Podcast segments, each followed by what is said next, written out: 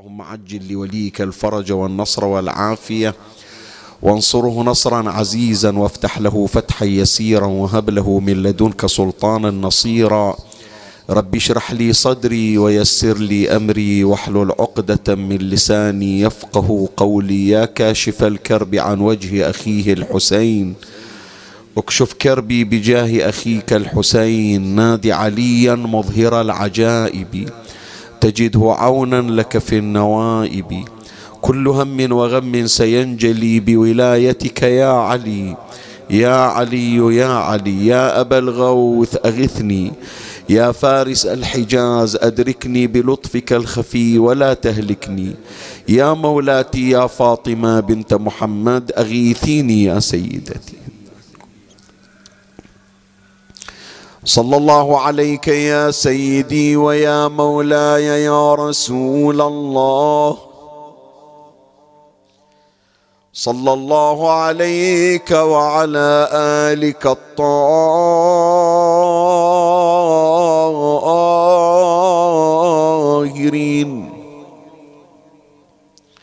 فاز من اعتصم بكم. وأمنا من لجأ إليكم. يا ليتنا كنا معكم سادتي فنفوز فوزا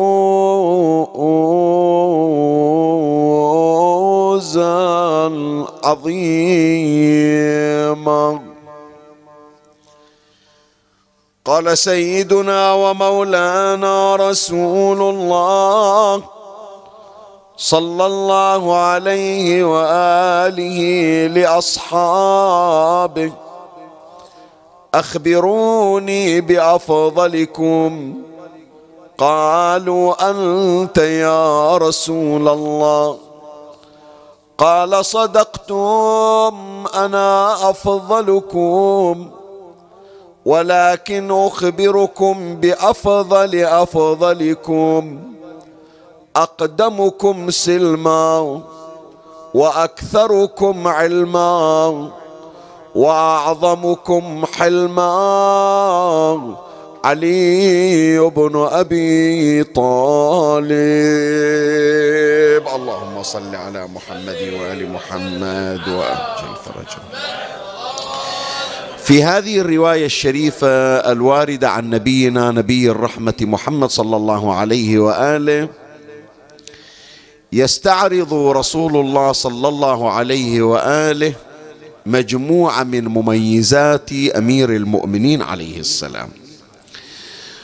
وبطبيعة الحال هذا الاستعراض من النبي صلى الله عليه وآله لمميزات أمير المؤمنين بمحضر الصحابة هناك أغراض عند النبي دفعته إلى هذا الاستعراض.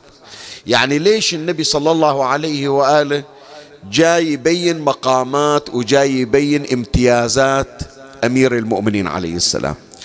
واحدة من أغراض النبي يريد يقول لهم بأنه شوفوا هذا الشخص علي بن أبي طالب مو رجل اعتيادي. أمير المؤمنين نسخة لا تتكرر. لا تعتبرونه مجرد شخص تساوون بأي شخص من المسلمين. لا هذا شخص له مقامات هذا شخص له مراتب هذا شخص له درجات اختاره الله تبارك وتعالى. فلهذا تلاحظون يا إخواني بين الفينة والفينة بين الفترة والفترة في كل مورد في كل موقف في الحروب في الأعياد في الأوقات الفاضلة في الأماكن الفاضلة حتى عرضا النبي صلى الله عليه وآله لا بد أن يذكر بمقامات أمير المؤمنين سلام الله عليه. تماما مثل ما الأنبياء دائما يذكرون أتباعهم بمقامات نبينا محمد صلى الله عليه وآله.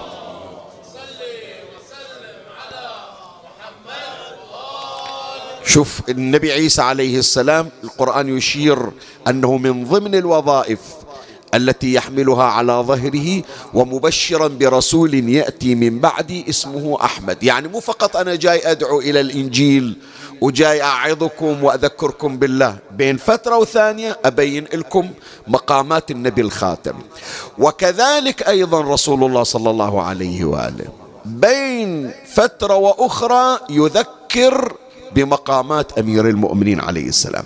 فواحد من أغراض النبي صلى الله عليه وآله من عرض مميزات أمير المؤمنين عليه السلام يبين مقامات أمير المؤمنين. هي واحدة.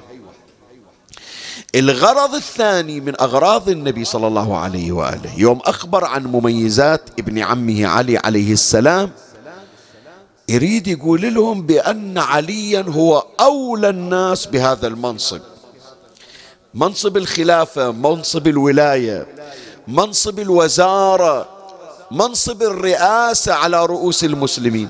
يدري بأنه في يوم من الأيام راح يصير هناك اعتراض على ما قرره رسول الله صلى الله عليه وآله. النبي صلى الله عليه وآله ما خرج من الدنيا إلا بعد أن نصب علي بن أبي طالب خليفة. ويعلم أنه في مستقبل الأي في مستقبل الأيام راح تتغير الأمور. راح يصير هناك رأي مختلف. مثل ما هذا عليه إجماع المسلمين. الآن هل هذا الاختلاف مشروع كما يرون إحنا نقول لا. إحنا نعمل بما أمر به الله وأمر به رسوله صلى الله عليه وآله. الآخرون يقولون لا المصلحة اقتضت. ايا كان إحنا مو في صدد نقاشها. بس خلنا نقول تنزلا. تنزلا. يعني شنو؟ يعني مجاراة لما رآه القوم. طيب. أنتم تقولون بأنه الأمر لابد يصير بالشورى مو بالناس. طيب غير تختارون أفضل شخص. أنتم جنابكم الآن تقولون راح نختار إحنا الخليفة. رأي النبي اختيار النبي إلا هو اختيار السماء ما راح نعمل به. إحنا راح نختار الشخص الملائم ما يخالف. حتى بهذا الرأي الذي ترونه المفترض تأخذون الأصلح. ما سمعنا يوم من الأيام مدرسة أو جامعة جابت واحد راسب وخلت الأول على الجامعة. ما سمعنا يوم من الأيام مدرسة جابت واحد فاشل في الدراسة أو على الأقل ضعيف وخلته هو المميز. يختارون الأنسب والأفضل. فإذا يوم من الأيام تقررون تدورون لكم حاكم أو خليفة فإن الأولى والأصلاح من هو؟ الأفضل. والأفضل هو علي بن أبي طالب عليه السلام. فلهذا شوفوا كل هذه الروايات اللي جابها النبي صلى الله عليه وآله. قد واحد الآن يشكل علي شيخ ياسين إيش قاعد تقول؟ إحنا غير نعتقد بأن علي منصوب من السماء ونصب النبي صلى الله عليه وآله. شنو أنت تقر الآخرين في مسألة الشورى ومسألة اختيارهم؟ لا أنا ما أقرهم بس أقول تنزلا. وهذا التنزل عمل به أصحاب رسول الله من شيعة أمير المؤمنين عليه السلام. سلمان وأبو ذر والحاشية المحيطة بأمير المؤمنين عليه السلام في مناظراتهم في نقاشاتهم مع الآخرين. يقولون ما يخالف أنتم ما قبلتوا بالغدير وقلتوا راح أنتم تعينون الحاكم وأنتم تعينون الخليفة واخترتوا الأفضل. هل هناك أحد أفضل من علي بن أبي طالب؟ مو سمعتوا أنتم الأحاديث؟ هي فوائد. الأحاديث وهذا الأح... وهذا الحديث. من النبي صلى الله عليه وآله يقول أقضاكم علي من يقول علي أكثركم علما من يقول علي أو أفضلكم أفضلكم أفضلكم علما وأقدمكم سلما وأكثركم علما وأعظمكم حلما. أقضاكم علي علي مع القرآن القرآن مع علي حب علي حسنة لا تضر معها سيئة بغض علي سيئة لا تنفع معها حسنة لا يحبك إلا مؤمن لا يبغضك إلا كافر منافق. هذه كلها احتج بها أصحاب علي عليه السلام. قال زين ما يخالف. تنزلنا ويا قصة الشورى وقصة السقيفة. دوروا لي في الكون واحد بعد رسول الله أفضل من علي بن أبي طالب. خلى واحد يوقف ويقول أنا أفضل من علي. يعارض الأحاديث التي جاء بها رسول الله صلى الله عليه وآله. فنقدر نقول يا إخواني الغرض الثاني من حديث النبي صلى الله عليه وآله خطوة استباقية. خطوة استباقية من رسول الله. من تصير قصة الانقلاب والمشروع الجديد النبي صلى الله عليه وآله جاب وفر من الأحاديث يقول لهم تفضلوا هذا علي أفضلكم وهو أولى الناس بهذا الكرسي وهذا المنصب وبهذه الخلافة. هذا الغرض الثاني من أغراض رسول الله صلى الله عليه وآله. الغرض الثالث دعوة من النبي صلى الله عليه وآله إلنا إلى أن نتأسى بأخلاق علي. يقول هذه الأخلاق التي تقرؤونها عن علي بن أبي طالب. هذه أخلاق ربانية أخلاق سماوية. هذه لا يمكن أن تتكرر عند أحد. تميز بها أمير المؤمنين عليه السلام بعد رسول الله. وحري بكم كمسلمين أن تقتدوا بأخلاق علي بن أبي طالب عليه السلام. فلهذا يا إخواني الليلة الحلقة الثالثة من سلسلة الحديث عن أمير المؤمنين عليه السلام نتحدث عن أخلاق أمير المؤمنين صلوات الله عليه. وأنا أحاول أنه في هذا المجلس الشريف أتناول بعض الأمور الأخلاقية في حياة علي والوقوف عندها بحيث أبحث عما لا نسمعه عادة. إحنا من نذكر مثلا عن أخلاق أمير المؤمنين. نقول والله كان أمير المؤمنين متواضع كان يلبس ثوب مرقع كان يلبس نعل من ليف وما إلى ذلك. إحنا ما ننتقص من هاي الأخلاق. بس نحاول نبحث عن أخلاقيات عدة لأمير المؤمنين سلام الله عليه. نستطيع أن نترجمها في حياتنا. نتأسى بهذه الأخلاق. فسأذكر جوانب خمسة من أخلاق علي عليه السلام. كما أشار إلى أحدها رسول الله صلى الله عليه وآله حينما قال أعظمكم حلما فأذكر خمسة من أخلاق علي ومن الله أستمد العون والتوفيق ومن مولاي أبي الفضل العباس المدد وألتمس منكم الدعاء وثلاثا بأعلى الأصوات صلوا على محمد وآل محمد اللهم صل على محمد.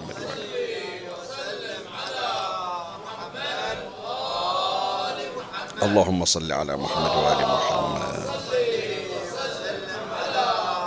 اللهم صل على محمد وآل محمد. اللهم صل على محمد وآل محمد. مولاي الكريم أنت أينما كنت اسمعني وفرغ لي قلبك وأعرني سمعك وأقبل علي بكلك أخبرتك بأن بحث هذه الليلة يحتوي على جوانب خمسة من الجوانب الأخلاقية لأمير المؤمنين سلام الله عليه.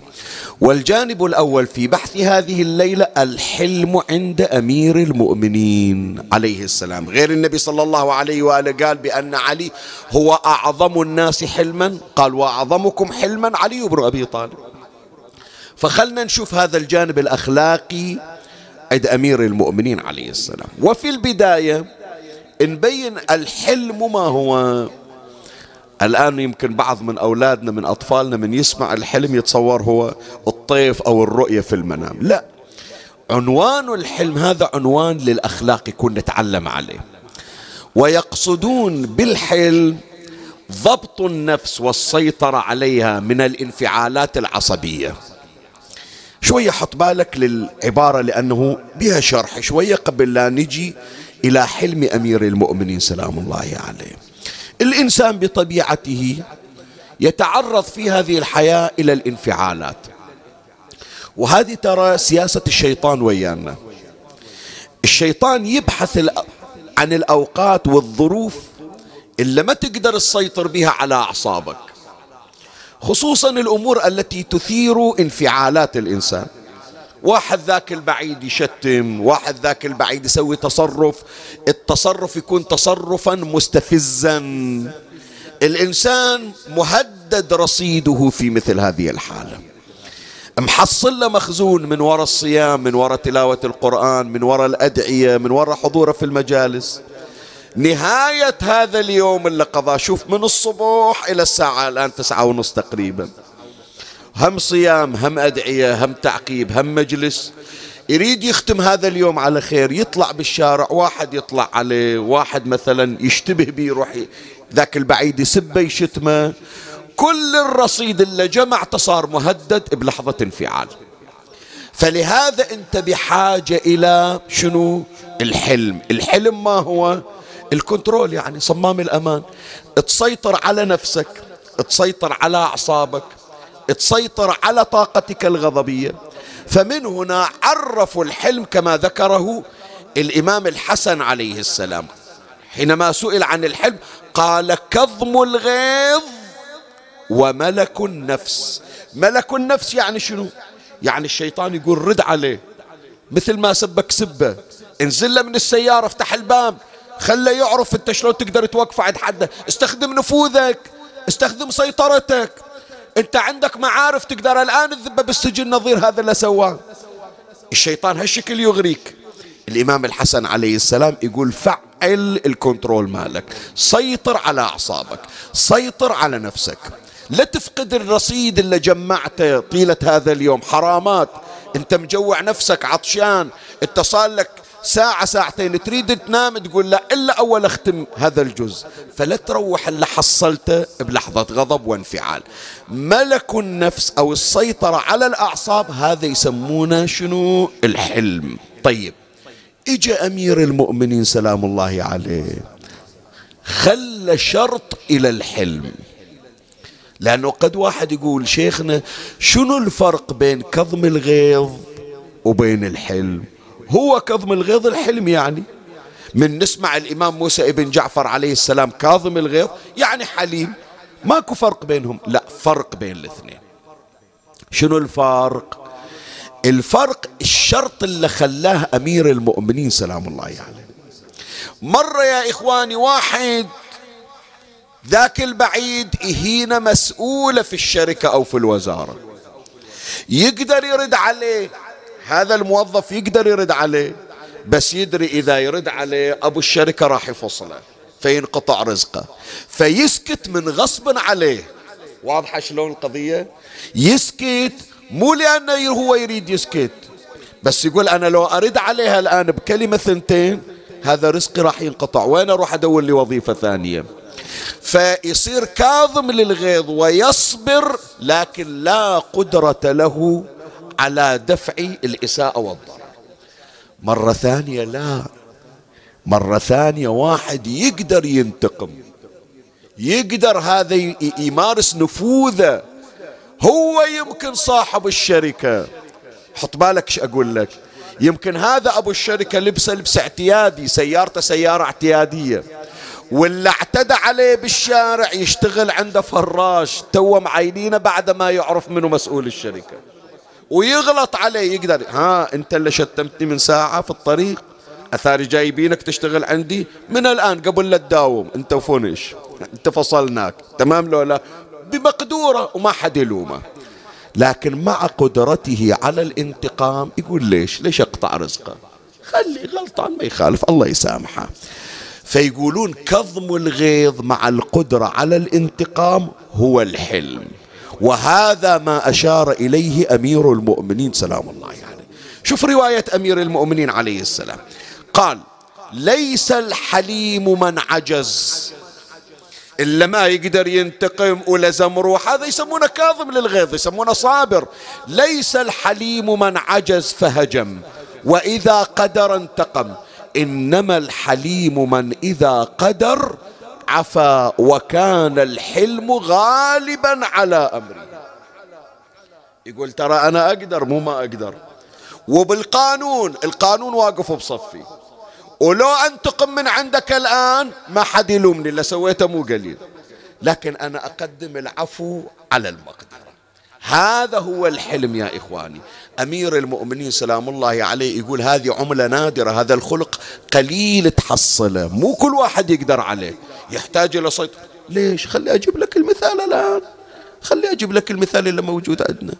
شوف انفعالاتنا إحنا خصوصا في شهر رمضان سواء كن انفعالات في البيت في الشارع في السوق في العمل في المدرسة وين ما كانت. يا ريت يا جماعة ننفعل وعقب الانفعال نقول غلطنا وبحاجة إلى واحد يربي أخلاقنا. يا ريت أنه من أنفعل وأغلط على واحد ذاك البعيد عني وعنكم. أجي عقب الهدوء أقول له والله أنا موبخ نفسي ليش صرت في هالمستوى؟ مع الأسف ما أرضاها. أنا الآن لو واحد مصورني ومراوني شلون أنا معصب وشتم وأضرب أقول هذا بالله عليك تصرفات واحد عاقل وتصرفات مجنون. فأقول له هذا اللي غلط عليه ما يخالف. سامحني وحاول تساعدني أني ما أكررها. هذا يا ريت نصير. بس تدري المشكلة اللي عندنا شنو؟ المشكلة جايين ندور شماعة نعلق عليها أخطائنا. وتدري الشماعة مالتنا شنو هي؟ الشماعة شهر رمضان. شوف لما واحد يسب واحد أو يشتم واحد من يهدأ شيء يقول له يقول له سامحني ترى أنا صايم. إي أصايم كأنما أقول بأن الصوم مبرر لخطئي ولأغلاطي تجاه الآخر. سامحني ترى أنا سبيتك وشتمتك؟ ترى صايم يعني تعرف اليوم صيام. وإذا صيام الله مشرع الصوم حتى واحد يسب الثاني ويشتم الثاني. لو حتى الرب أخلاقنا. ما يقول بأنه أنا ما ربيت نفسي وما حاولت أتخلق بأخلاق علي بن أبي طالب. لا يقول أنا ترى معذور ما إلك حق تلومني. الله بلاني برمضان والله بلاني بالصيام أن ما صمت وداني نار جهنم. وأن صمت مشيت وسبيت وشتمت في الآخرين شوف ينسب الظلم لا يعني قولة أهل الكويت إخواننا فوق شينا شنو؟ قوات عينه بعد. هم غلط ما يريد يعدله. هم يلقي بوزر أغلاطه وأخطاءه على شهر رمضان وعلى الله اللي فرض عليه شهر رمضان. بينما يا إخواني إحنا بحاجة إلى أن نتعلم من سيد الحلم وأعظم الحلماء وهو علي بن أبي طالب سلام الله عليه. خلي أراويك. قبل لا أذكر لك هذا النموذج أولا يا إخواني أمير المؤمنين عليه السلام قادر على الانتقام أو غير قادر؟ شلون مو قادر؟ إن جئت إلى القوة الجسمانية بعد رسول الله لا يوجد أحد أشجع ولا أقوى من علي. مرت علينا البارحة. قدرة علي الجسمانية إذا قبض على أحد انقطع نفسه بقوته وبقدرته. قوته قوة ربانية. قوته أقوى من قوة جبرائيل. هي واحدة. بعد من نزور أمير المؤمنين. السلام على ال... عليك يا أمير المؤمنين المؤيد بجبرائيل المنصور بميكائيل. من أمير المؤمنين يريد يرد الإساءة مو هو بروحه. الملائكة كلها توقف ويا علي. لكن مع ذلك علي إذا أساء أحد إليه يقدم حلمه قبل غضبه ويقدم العافو قبل الانتقام. خلي أذكر لك الآن موقف من المواقف اللي ذكرها أحد علماء السنة المعتزلة وهو ابن أبي الحديد المعتزلي في شرح نهج البلاغة. أنقل لك العبارة. العبارة نفسها ذكرها العلامة المجلسي في بحار الأنوار. يعني هم أخذها وخلاها في موسوعة بحار الأنوار لأنها تستحق أن تستذكر وتقرأ باستمرار. ابن أبي الحديد المعتزلي يقول وأما الحلم والصفح فكان منه أمير المؤمنين. فكان أحلم الناس عن ذنب وأصفحهم عن مسيء. وقد ظهر صحة ما قلناه يعني إذا تريد مثال على حلم علي يوم الجمل معركة الجمل حيث ظفر بمروان بن الحكم. وكان أعدى الناس له أكثر واحد مبغض إلى علي منه مروان بن الحكم. وكان أعدى الناس له وأشدهم بغضا فصفح عنه. شاهدنا وين هذا اللي أريد الشاهد اللي استحضر في حلم أمير المؤمنين. وكان عبد الله بن الزبير يشتمه. مشكلة عبد الله بن الزبير أبوه الزبير بن بن العوام. أم الزبير من هي؟ صفية بنت عبد المطلب عمة أمير المؤمنين سلام الله إيه شوف النسب شلون. لكن هل ولد الولد عبد الله بن الزبير تدور واحد حاقد ومسيء إلى أهل البيت عموما وإلى أمير المؤمنين خصوصا. أنت تتصور يعني بلغ من حقده عبد الله بن الزبير لا يريد أن يصلي على محمد وآل محمد. اللهم صل على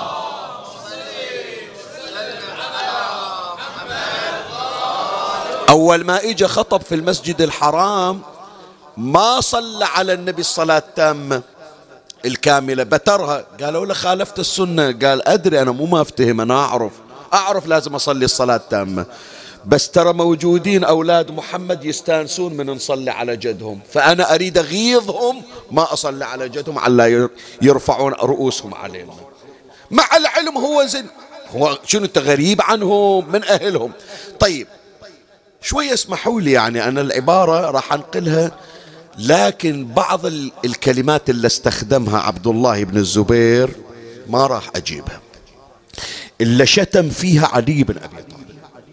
بس من ترجع ابن أبي الحديد المعتزلي العلامة المجلسي هم غيره يذكر العبارة. العبارة والله إيدي توقف ولا أقدر أكتبها في الورقة ولا أجيبها على لساني. خلي أقرأ لك. قال وكان عبد الله بن الزبير يشتمه على رؤوس الأشهاد. يجمع الناس ويشتم علي بن أبي طالب.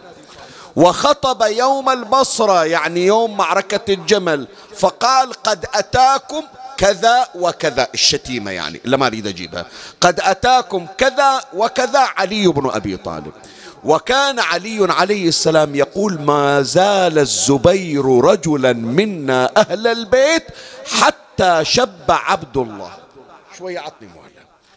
الزبير بن العوام هذا اللي تسمع عنه أبو عبد الله بن الزبير. هم هو قلت لك ابن عمة أمير المؤمنين. علي بن أبي طالب يصير ابن خال الزبير. وهذا من اللي وقفوا ويا أمير المؤمنين يوم الناس تخلت عن علي.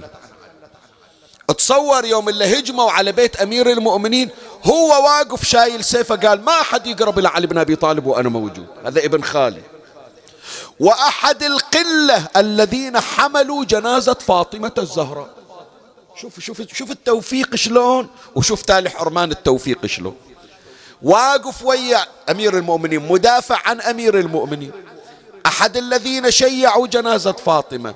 أمير المؤمنين سلام الله عليه يقول خوش آدمي الزبير منا واحد منا. إلى أن ولد عبد الله كبار. أوه خرب أبوه. قلب على علي بن أبي طالب. حتى يوم معركة الجمل يا جماعة الزبير بن العوام حاضر في المعركة يريد يقاتل أمير المؤمنين. أمير المؤمنين وقف وياه. الآن ما بكم مجال أنه نذكر القضية بتفاصيلها بس أنا أريد موضع الشاهد. حكى وياه أمير المؤمنين ويا الزبير. وتراجع. الزبير قال خلاص ما ألقى الله ببغضك يا ابن الخال. لا لا خلاص. أنا غلطان. راح أتراجع. إجا عبد الله بن الزبير قال له تريد تصير حرمة؟ تتراجع عن كلامك مطلع الناس جايين من المدينة إلى البصرة تاليها يصير مثل المرأة ما إلها راي ما إلها كلمة. قلب أبوه من جديد وقام يحكي على أبوه وعلى علي بن أبي طالب. شوف إلى أي درجة فلهذا أمير المؤمنين سلام الله عليه جدا مستاء من الزبير. قال واحدة من بلاويه علينا أنه خرب أبوه قطع رحمنا.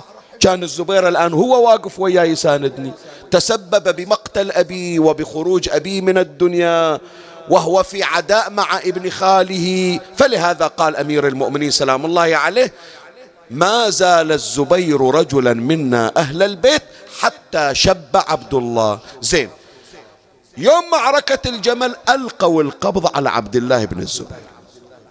جابوه إلى أمير المؤمنين.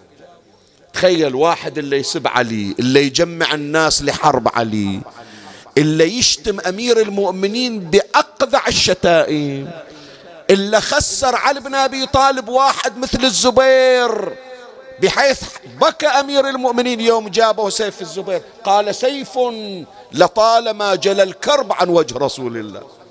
بتحسف يعني عليه. وقال بشر قاتل ابن صفية بالنار زين الآن جابوا عبد الله بن الزبير. خو انتقم من عنده يا أمير المؤمنين يستاهل. على الأقل ناصبي. يستاهل. بس شوف أمير المؤمنين ملكنا. فكان العفو منا سجية. ولما ملكتم سال بالدم أبطح. شوف مولاي الكريم قال فظفر به يوم الجمل فأخذه أسيرا فصفح عنه. اسمع قال وقال اذهب فلا أرينك لم يزده على ذلك. بس هالكلمة روح ما أريد أشوفك. ولا سويته إحنا نسيناه وخلاص. وإذا أكو خسائر أنا أتحملها بس ما أريد أشوفك لأن ما بيك خير. طيب أنت كنت معرض إلى القتل يا ابن الزبير وعفى عنك أمير المؤمنين. تدري رد الجميل شنو؟ تدري شلون جاز علي بن أبي طالب على هذا الحلم إلا ما يمكن أن يتكرر في أي مكان؟ إيش تتصور مو تقول لي رجع يسب علي ويشتم علي ويقلب على علي لا. روح اقرأ حتى مصادر التاريخ المسعودي في مروج الذهب يذكرها.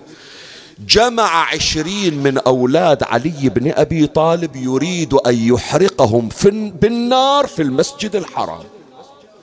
صور إلى أي درجة؟ جمعهم واحد منهم محمد بن الحنفية وأولاد محمد عشرين واحد من بني هاشم. وفي وين يا جماعة؟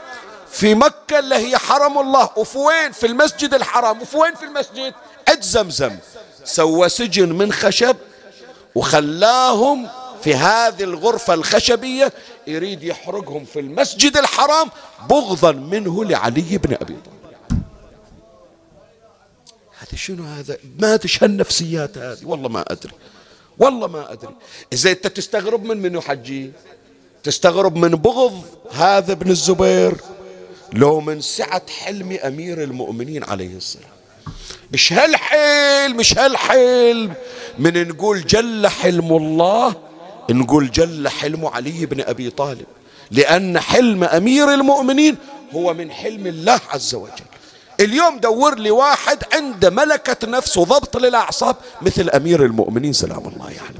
فواحد من الجوانب الأخلاقية لأمير المؤمنين جانب الحلم عند علي بن أبي طالب عليه السلام. طيب الجانب الثاني من أخلاق أمير المؤمنين. أنا أدري يا إخواني البارحة من حكينا عن الصفات الجسمانية والخلقية لعلي. قلت لك جسم علي معجزة. قلعة لباب خيبر شنو؟ معجزة. أخلاق علي بن أبي طالب معجزة. صدقني أقول لك. مو تقول لي الصدق اللي عد علي ممكن يصير عد غيره.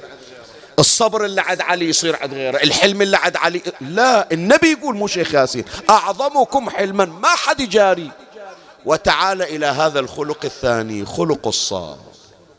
الصبر الذي يعجز الصبر نفسه عن صبر علي بن أبي طالب.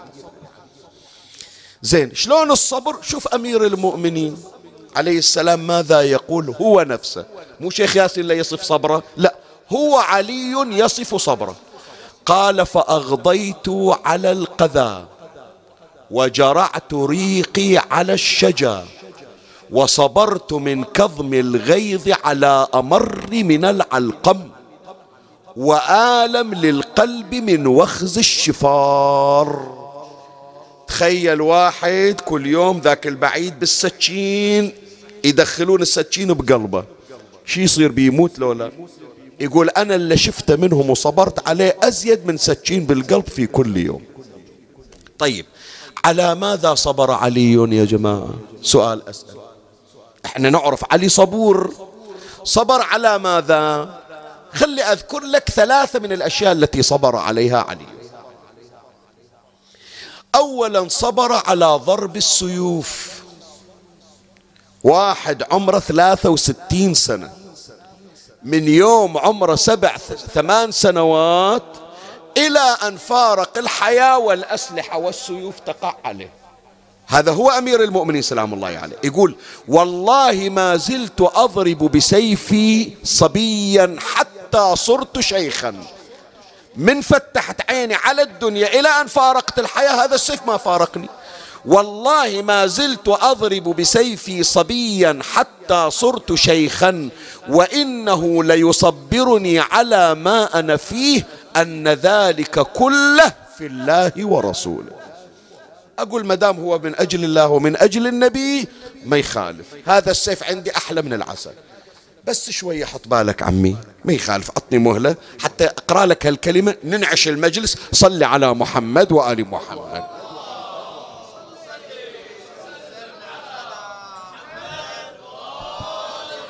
أنا شايف بعض المرضى يا جماعة الليلة إن شاء الله أسأل من الله وفي كل ساعة وكل ليلة أن يمن على المرضى بالشفاء والعافية. البارحة واحد من إخواننا بالمجلس بشرونا بتوسلهم بأبي الفضل العباس عليه السلام. كان مقرر عملية خطيرة إلى مريضهم محتاج إلى العملية رخصوا من غير العملية ببركات الاستنجاد بأبي الفضل. إن شاء الله هم يبشرونا أيضا عن سائر المرضى سواء عندنا بالبلد بخارج البلد الحالات الحرجة ببركات أمير المؤمنين سلام الله عليه. يعني. المريض يا جماعة اللي بالمستشفى إلا شوية يطول بالعلاج. يعني ياخذ له مثلا أسبوع أسبوعين شهر. وكل يوم يجون يزرقون أبر يأخذون من عنده عينة دم أو يخلون عليه مثلا هذا المغذي. هي أبر شكت أبر يتوجع من عندها ورا يومين ثلاثة يضوج لو ما يضوج. شلون ما يتأذى بعد؟ يقول مليت بعد. خصوصا أكو بعض الأشخاص مثلا اللي يمكن العرق ما يطلع عندهم. فيجي الممرض يريد يدور العرق وكل ساعة يوخذ بالأبر يتأذى فيمل. عمي مو أبر ويا علي سيوف. وتعرف السيوف شلون؟ إن شاء الله تقول لي جرح سطحي. خلي بس حتى تعرف معاناة أمير المؤمنين شلون كل معركة يدخلها أمير المؤمنين. يتعرض إلى ضربات قاتلة يعني المفروض يشيلون على جنازة. هذه إن شاء الله راح يمر علينا يعني. السلسلة هذه فيها حروب أمير المؤمنين. واحدة من المعارك معركة أحد ستين جراحة في علي بن أبي طالب. الجرح متصل بالجرح. إجوا ثنتين واحدة اسمها أم سليم الثانية اسمها أم عطية. النبي مرسلنهم قال شوفوا علي إذا يحتاج إلى إسعافات. راحوا رجعوا. عالجتونا؟ قالوا لا يا رسول الله. ليش؟ قالوا كلما خطنا جرحا انفتق الآخر. ابن عمك ميت ترى. ستين جراحة من رأسه إلى قدمه وجراحات قاتلة. يجي النبي صلى الله عليه وآله يمد يده على علي فتعود الجروح ملتئمة ببركة نبينا محمد صلى الله عليه وآله.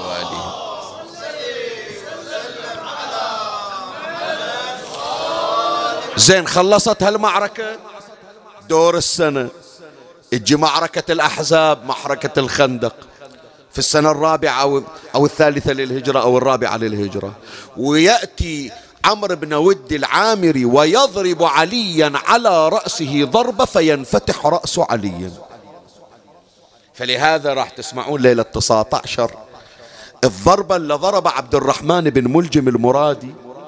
اي على رأسه؟ موضع الضربة التي ضربه عمرو بن عبد ود العامري يوم انضرب أمير المؤمنين بالمحراب إيش قام يسوي؟ ياخذ من تراب المحراب ويضعه على رأسه. شي يصيح؟ منها خلقناكم وفيها نعيدكم ومنها نخرجكم. تارة أخرى. ليش؟ لأنه في معركة الأحزاب من إجى أمير المؤمنين العمامة مشقوقة والراس منفتح نصين أخذ رسول الله من التراب خلاه على ذاك الجرح عاد الجرح ملتئما ببركة النبي محمد صلى الله عليه وآله.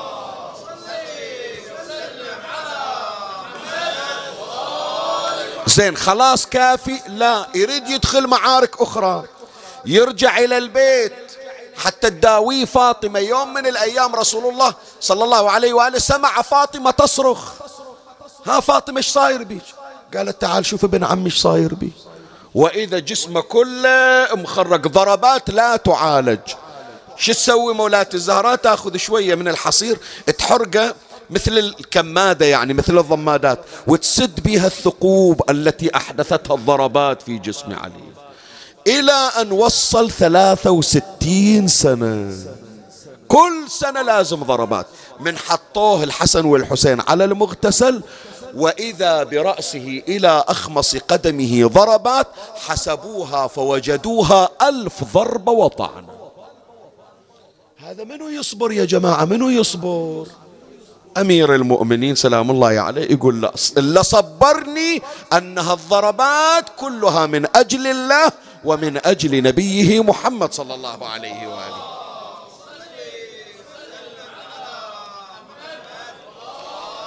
زين صبر على ضرب السيوف. صبر على شيء ثاني تدري شنو؟ هذا أزيد من السيوف. صبر على أخذ الحق حق من هو؟ وأي حق يا جماعة؟ إن شاء الله تقول لي فلوس. شوية ما يخالف. أعطني مهلة أعطني مهلة حتى توصل لك العبارة أكثر. أمير المؤمنين أول مو محتاج لفلوس. وما أصنع بفدك وغير فدك. يقول إيش أسوي؟ يقول أنا اللي أسوي فدك مو فدك اللي تسوي عني. لكن الحسرة تدري شنو؟ الإسلام بني على شنو؟ على ثلاث. دعوة محمد مال خديجة وشنو بعد؟ وسيف علي.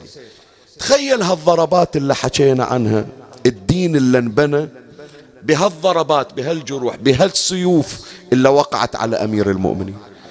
تاليها المحراب اللي المفروض يوقف علي يصلي بيه يجيبون واحد سكران يصلي صلاة الصبح ست ركعات وينهي صلاته بأن يتقيأ الخمر في المحراب.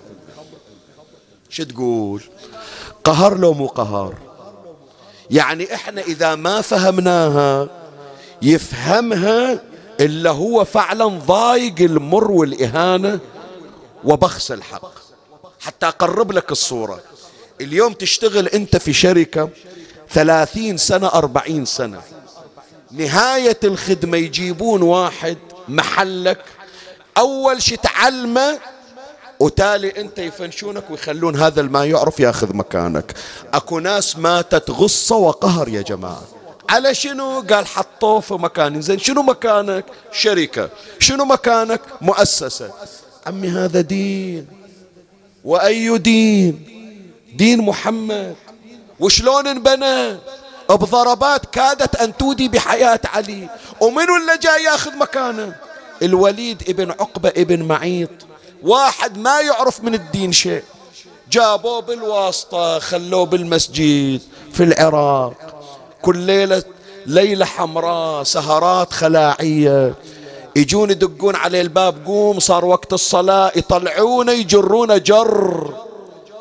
خلي أغثك أكثر بعد خلي أغثك أكثر. يوم من الأيام ذيك اللي ترقص عنده اللي تغني له قال أنت اليوم تروحين تصلين بالمحراب مكاني. هذا شي يصير بقلب علي شي يصير يا جماعة. هذا مو موت بطيء بل موت عاجل لأمير المؤمنين. فلهذا أمير المؤمنين سلام الله عليه من يذكر شلون حقه؟ غصب منه يعبر عن هذه الكلمة. يقول فصبرت وفي العين قذا وفي الحلق شجا أرى تراثي نهبا. الدين اللي بنيناه.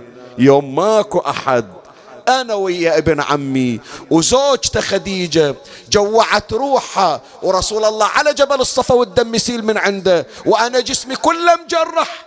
تاليها تصعد على منبر رسول الله القردة تنزو عليه وتصعد. صدقوني يا إخواني صبر علي أعجوبة تعجبت منها ملائكة السماء. زين الصبر الثالث الصبر الثالث حتى نختم هذا الجانب. صبره على فقد فاطمة الزهراء وعلى فقد رسول الله. من تريد تعدد معاجز علي؟ اسمع إيش أقول لك. من تريد تعدد معاجز علي؟ تعدد رد الشمس تعدد قلع باب خيبر تعدد تعدد نفوذ امره في الفرات تعدد إلى طي كل معاجز أمير المؤمنين. أصعب المعاجز التي يعجز عنها أي أحد صبره على رؤية زوجته فاطمة وهي خلف الباب والجدار. أيوة. هذا منو يقول؟ شيخ ياسين يقول لا هو علي يقول. يقول بكل شي صابر بكل شي صار أنا صابر. قلعت باب خيبر ما احتجت لا أحد يعاونني. لكن يوم نزلت فاطمة بالقبر قل يا رسول الله عن صفيتك صبري. الصبر اللي عندي طول هالسنين. شوفت جنازة فاطمة؟ هذا كله ما أقول راح الصبر لكن مو صبري الأول. شلون أنا أقول لك؟ من أقول لك تعجز عنه حتى الأنبياء. بالله عليك آدم أبو البشر. اسمعني إيش أقول لك. آدم أبو البشر. فقد ولد واحد وهو هابيل. وهابيل مو نبي مهيأ للوصاية.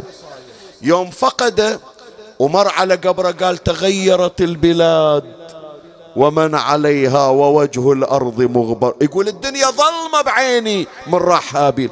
ذاك هابيل. هذا فاقد فاطمة. بعد يعقوب.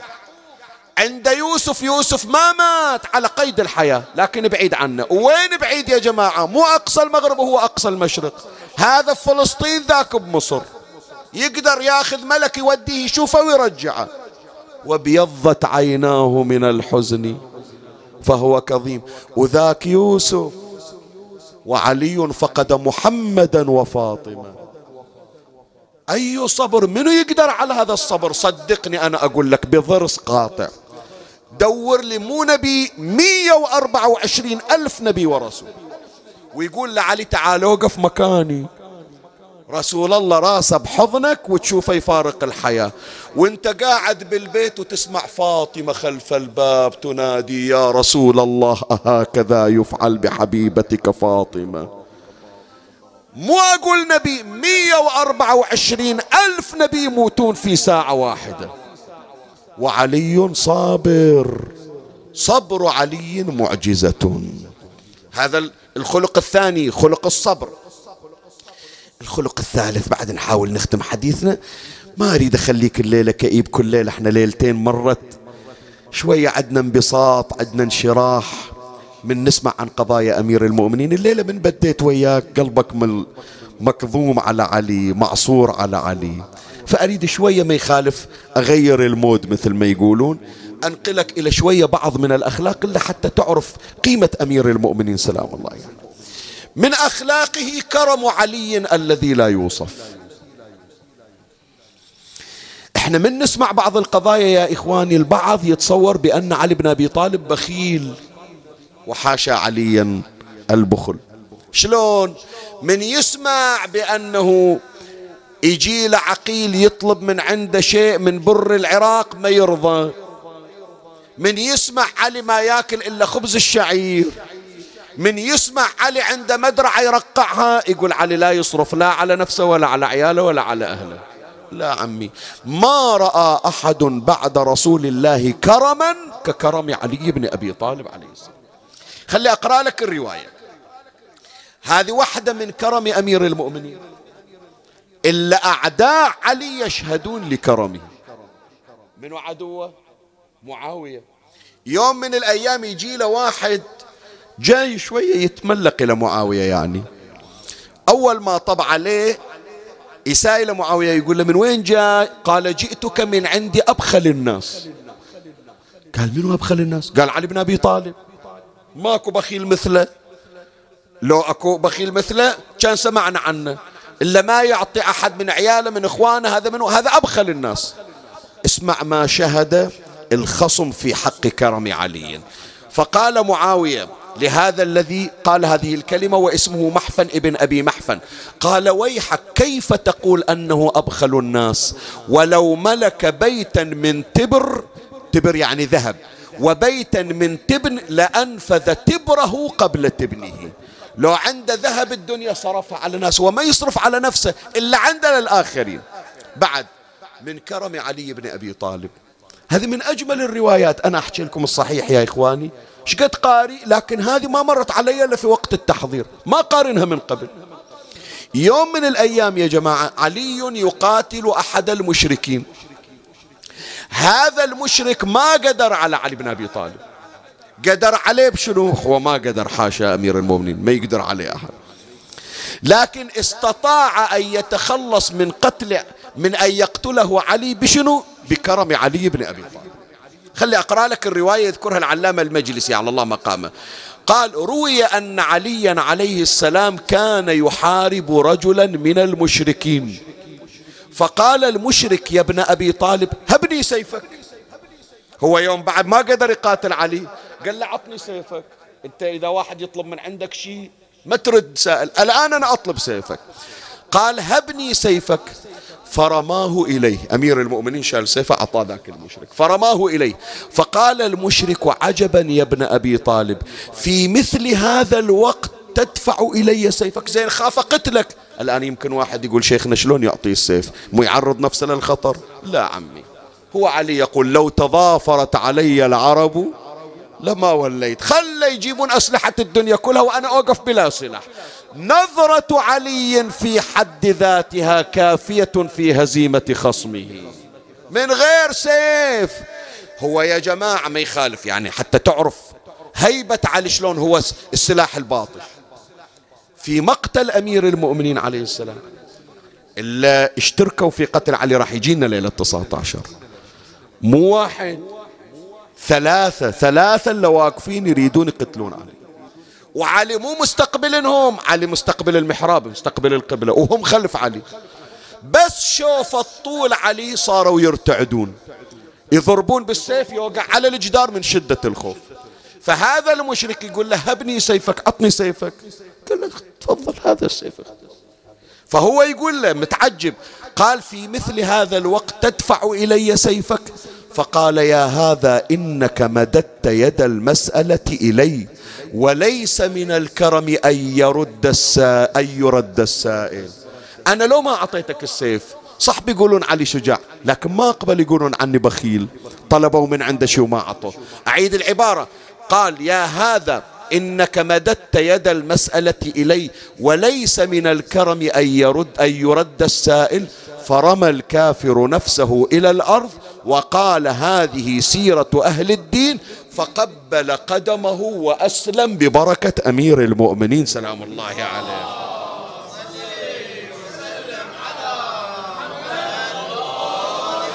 هذه صورة من كرم علي عليه السلام. بقي عندنا نموذج. أنا الآن في دقيقتين أختمه. النموذج الرابع. من تشوف رسمة إلى صورة أمير المؤمنين؟ سلام الله عليه. يعني رسمة تخيلية. دائما يتصورون الناس بأن علي بن أبي طالب مقطب مكفهر ما يضحك ما يتبسم. الجانب الرابع خلنا نشوف الملاطفة عند أمير المؤمنين. بحيث يا جماعة أصحاب علي بن أبي طالب يتمنون أنهم ما ينحرمون من لحظة الملاطفة التي يحظون بها عند أمير المؤمنين. شلون؟ وصفه قيس بن سعد بن عبادة. قال أما والله لقد كان مع تلك الفكاهة والطلاق. يقعد ويانا يلاطفنا إلا ضايق خلقه إلا عليه دين. يروح الأمير المؤمنين أمير المؤمنين يطيب خاطره. لكن لاحظ علي بن أبي طالب من يطيب خاطر إلا وياه؟ مو بالتهريج مو بتقليل القيمة مو بإهانة النفس لا. شوف من أجمل التعابير. قال أما والله لقد كان مع تلك الفكاهة والطلاقة أهيب من ذي لبدتين يعني أهيب من أسد. قد مسه الطواء تلك هيبة التقوى. يفرحنا ويطيب خاطرنا وبعد هي هيبة علي بن أبي طالب ما تروح من عليه.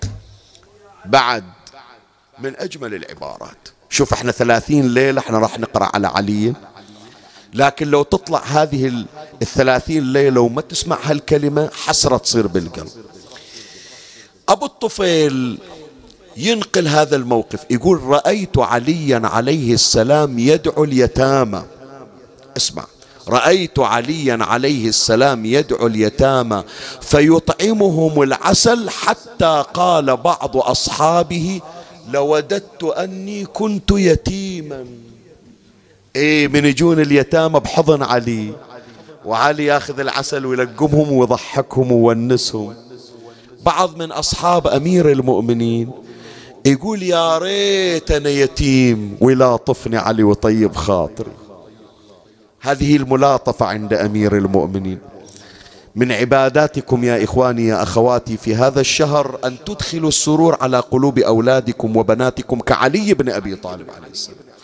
وأما الجانب الأخير فرقة القلب عند أمير المؤمنين. شيئان يبكيان علي لدرجة الانهيار. أما البكاء الأول بكاؤه من خشية الله. هذا اللي تسمع عنه قالع باب خيبر إذا وقف يصلي ركعتين طاح على الأرض مثل الخشبة اليابس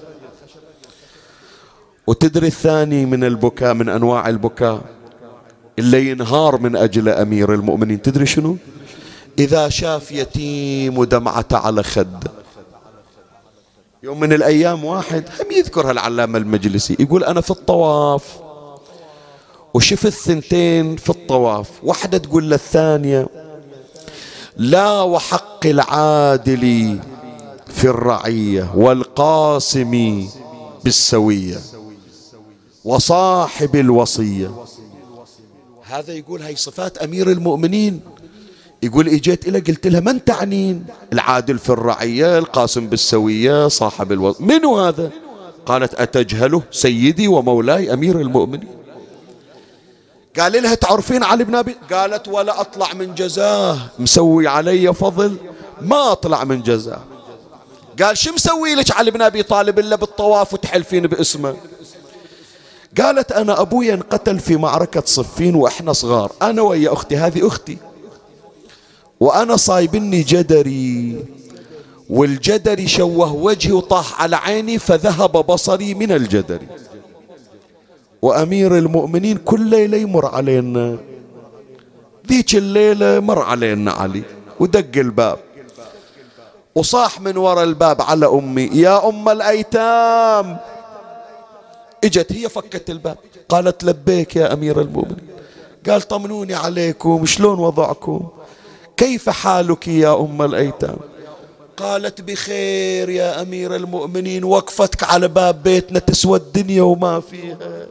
الله شو مسوي حب علي بقلوب الناس يا جماعة؟ ما قالت يتمت عيالي ورملتني. قالت بخير ما دمت واقفا على باب بيت باب داري.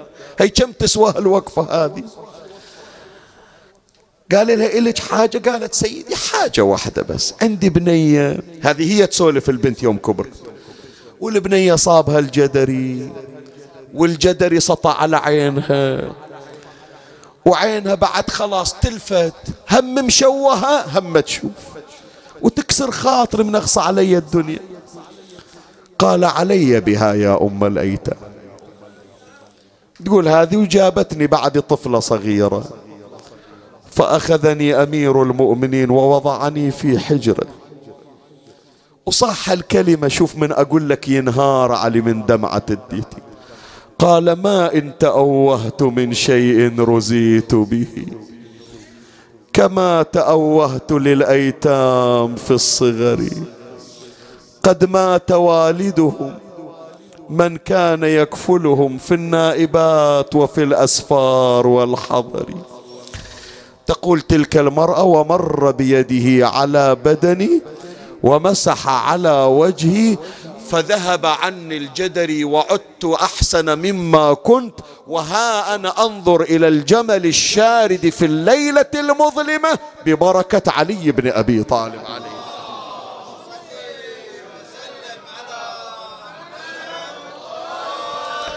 إي الحنون يا علي يا أبو الرقه والشفقه يجيبون لك يتيمة وتكسر خاطرك. قاعدة ويا أمها وبالبيت أخذتك الشفقة عليها. يا علي ليتك نظرت إلى أيتامك وهن نائمات في الصحراء والشمس تصهرهن بأشعتها. وينك يا أبو حسين يلي ما ترضى تسمع عن دمعة يتيم إلا وتحضر إلا وتوقف على باب ده؟ وينك عن زينب ذيك الليلة؟ ليلة أريد أقرأ لك مصيبة خاصة. خاف توجع قلب أمير المؤمنين.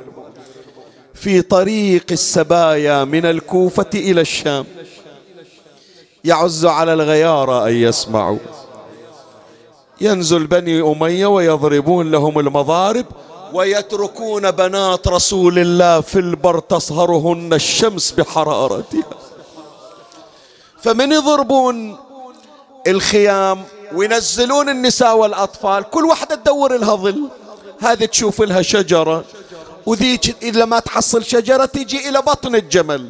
تسند ظهرها إلى بطن الجمل حتى تستظل ببطن الجمل. نزلت فاطمة بنت الحسين. تدور لها مكان ما حصلت. عمتها زينب جالسة وواضع رأس زين العابدين في حجرها لأنه أنهكته العلة. وين تروح؟ شافت من بعيد شجيرة. قالت خلي أروح عن ذيك الشجيرة وأستظل بظلها. إجت وإذا الشجيرة صغيرة. هكذا قال بعضهم. إن وضعت رأسها في الظل صارت رجلها في الشمس. وإن وضعت رجلها في الشمس في الظل صار رأسها في الشمس. لما تروح شايف شلون الطفل اللي مروحة؟ ومن شدة التعب والضرب وضعت رأسها على طرف كفها ونامت من شدة التعب. لما أوشكت الشمس على الغروب جاء زجر بن قيس. وهو ينادي قمنا يا بنات الخوارج فقد حبستونا عن المسير يلا بالعجل خلونا نمشي. هذه فاطمة تصعد ويا سكينة على ظهر الناقة. سكينة صاحت يا زجر اطلب لي عديلتي. خلي تجي تصعد وياي قال أراحنا الله منها دعيها لعل الذئاب تأكلها. قالت يمكن راحت ويا وحدة من خواتي من عماتي. تحركت قافلة السبايا. رأس الحسين على رمح طويل. اجى حامل الرمح يريد يشيل الرمح. وإذا بالرمح قد ثبت في الأرض. إجا واحد من الجلاوز هاش عندك واقف. قال كل مرة أشيل الرمح ينشال. هالمرة ثابت ما يريد ينشال. تعال عاودني. إجا وياه يريد يشيل الرمح ما ينشال الرمح. نادوا على الثالث. قال صاحب الكامل قال اجتمع أربعون رجلا. كل ما يريدون يشيلون الرمح اللي على راس الحسين ما يريد ينشال. سألوا القائد الرمح ما ينشال شو نسوي؟ قال اسألوا زين العابدين. الولد يضرب حال أبوه. إجوا يا ابن الحسين إن الرمح الذي عليه رأس أبيك لا يتحرك وقد ثبت في الأرض.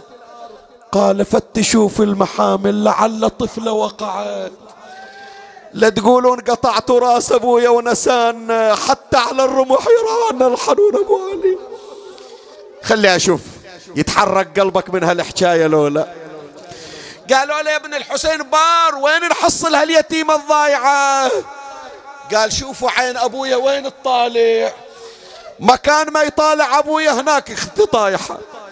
وما جاءوا إلى الرمح وإذا بدموع الحسين تتقاطر على غد يا الله يا أبا. الله لا يروع عيالكم. إن شاء الله ما يشوفون ضيم وتظلون خيمة تظلل عليهم. أجركم الله.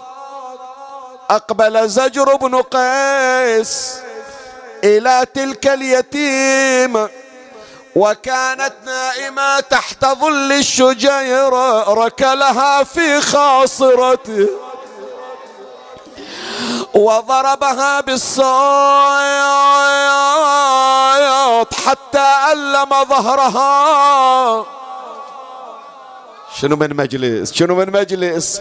خلنا نقراها إلى الأيتام اللي ما عندهم. أبو بشهر رمضان يمسح على رؤوسهم. صاحت وأنا وأنا وأنا وين اللي يخبر زجور وأنا وأنا وأنا يا حاد الضغن بل الضغن. على راحة تقول له وأنا وأنا مشت عني يضعون الأهل.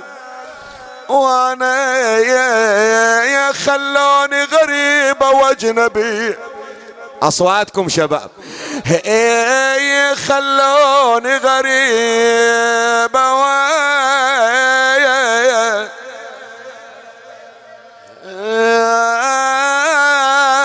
أجنبي. قامت تحكي ويا أختها. أريد أقرأها الأبيات على راحة لأنها تكسر الخاطر.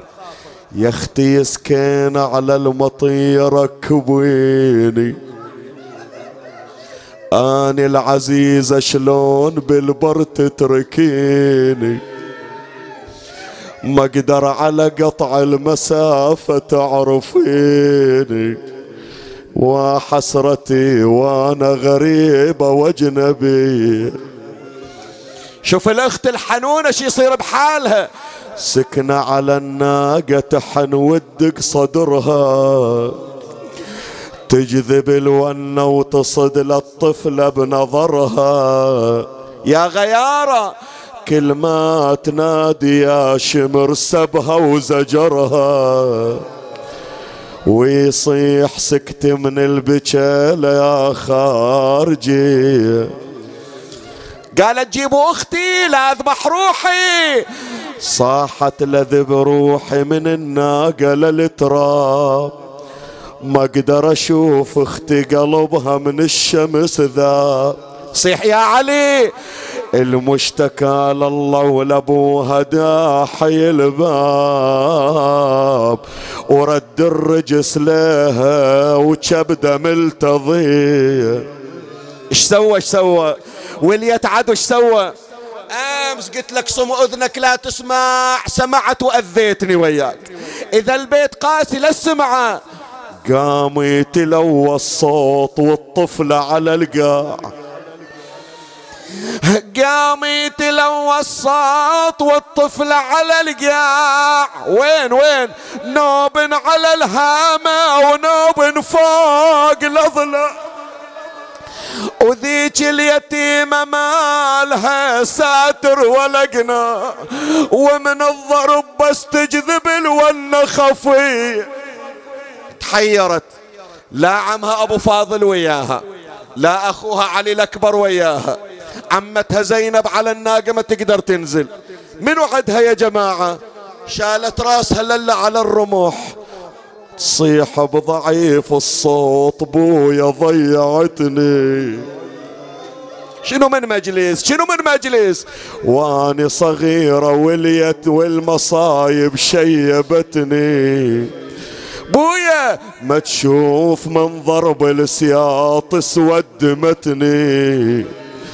بويا ومن الضرب يا أبوي ما ظل جلد لي. والله لا أقرأ الكلمة وإن كان المجلس مكتفي. ما كنا من ليالي شهر رمضان كنا من ليالي عاشور. يذكر الشيخ البهائي قالت زينب أنا أنزل أروح أجيبها أنا المسؤولة. ذبت روحها زينب من على ظهر الناقة. وإجت تدور فاطمة وما اجت وإذا حرمة قاعدة متربعة وحاطة فاطمة بحضنها هي مني هالمرة هذه؟ شم جايبنها بالبار وماخذة طفلتنا. قالت من أنت أمة الله؟ تتعطفين على أيتام أخي الحسين. وإذا بتلك المرأة تقول يا زينب أنا أمك فاطمة. يا الله حضرة الزهرة ويانا. أنا صابك يا زينب مو بعيد. شفت حسين من حزاو وريدة وريدة اقرأ البيت. وحيدة يا بعد أهلي. وحيدة صاحت يا حسن يا يمه تعالي. شوفي كربلا إيش سوت بحالي بنتك بقت من غير.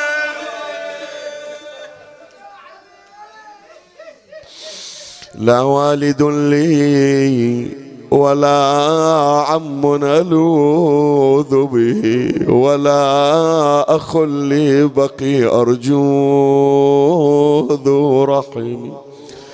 اللهم صل على محمد وآل محمد. أعوذ بجلال وجهك الكريم.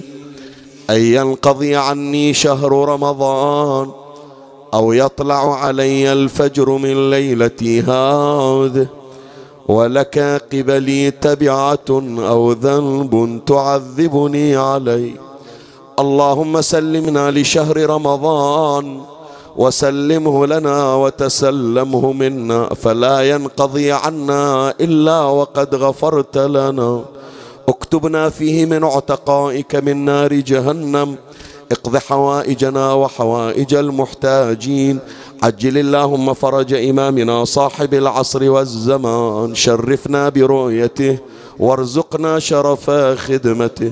ترحم على أموات وأموات الباذلين والسامعين والمؤمنين. سيما من لا يذكره ذاكر ولا يترحم عليه مترحم. أوصل لهم جميعا ثواب هذا المجلس الشريف وبلغهم ثواب سورة الفاتحة تسبقها صلوات.